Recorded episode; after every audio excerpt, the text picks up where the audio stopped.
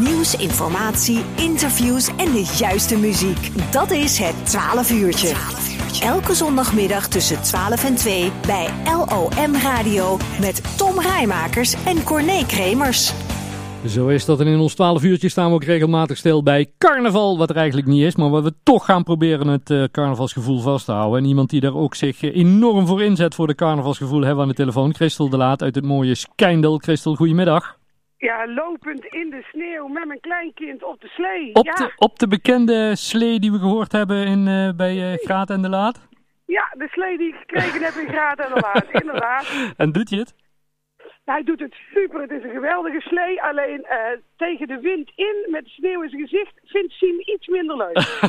oh. Maar ja, daar belde jij mij vast niet voor. Nee, we gaan het hebben over carnaval. Want ja, uh, Omroep Brabant, normaal gesproken zien we jou alle dagen in het uh, Fijn Vis Café op, op tv. Maar ja, dit jaar een ander carnaval. Maar evengoed wel een beetje carnaval bij Omroep Brabant, toch? Zeker, zeker. Kijk, we gaan het toch proberen met de mogelijkheden die er zijn om carnaval in de huiskamers te brengen. Dus dat doen we door drie uur vooraf, mm -hmm. zonder publiek. Wel met publiek op een zoomwand. Ja. We doen het uh, met het café in de studio, niet in mijn eigen café, want dat is dicht. Net als alle andere cafés. Ja.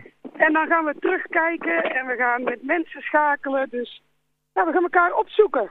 Ja, en, en, en want ja, een heleboel ligt nou plat natuurlijk. Ook jouw eigen theatershow uh, ligt helemaal ja. plat.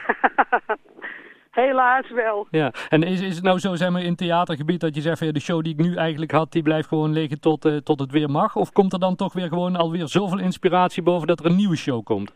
Nou, ik had al een nieuwe show klaar liggen. Mhm. Mm -hmm. Dus uh, die heb ik al een jaar uitgesteld en ik ga hem niet nog een jaar uitstellen. Dus uh, ja, ik hoop dat ik in, gewoon in het voorjaar nog wat dingen in kan halen die er nog staan. En anders dan hoop ik dat mensen naar mijn nieuwe voorstelling komen. Ja, zo is dat. Dan kom je ook weer naar Mil, hoop ik, hè?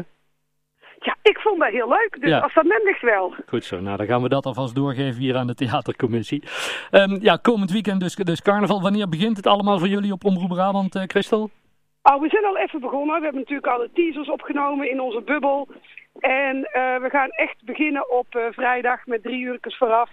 En dan zaterdag en zondag doen we drie uur gratis en dan later op de radio. En we hebben natuurlijk gewoon het fijn visje niet, maar dan een klein visje niet.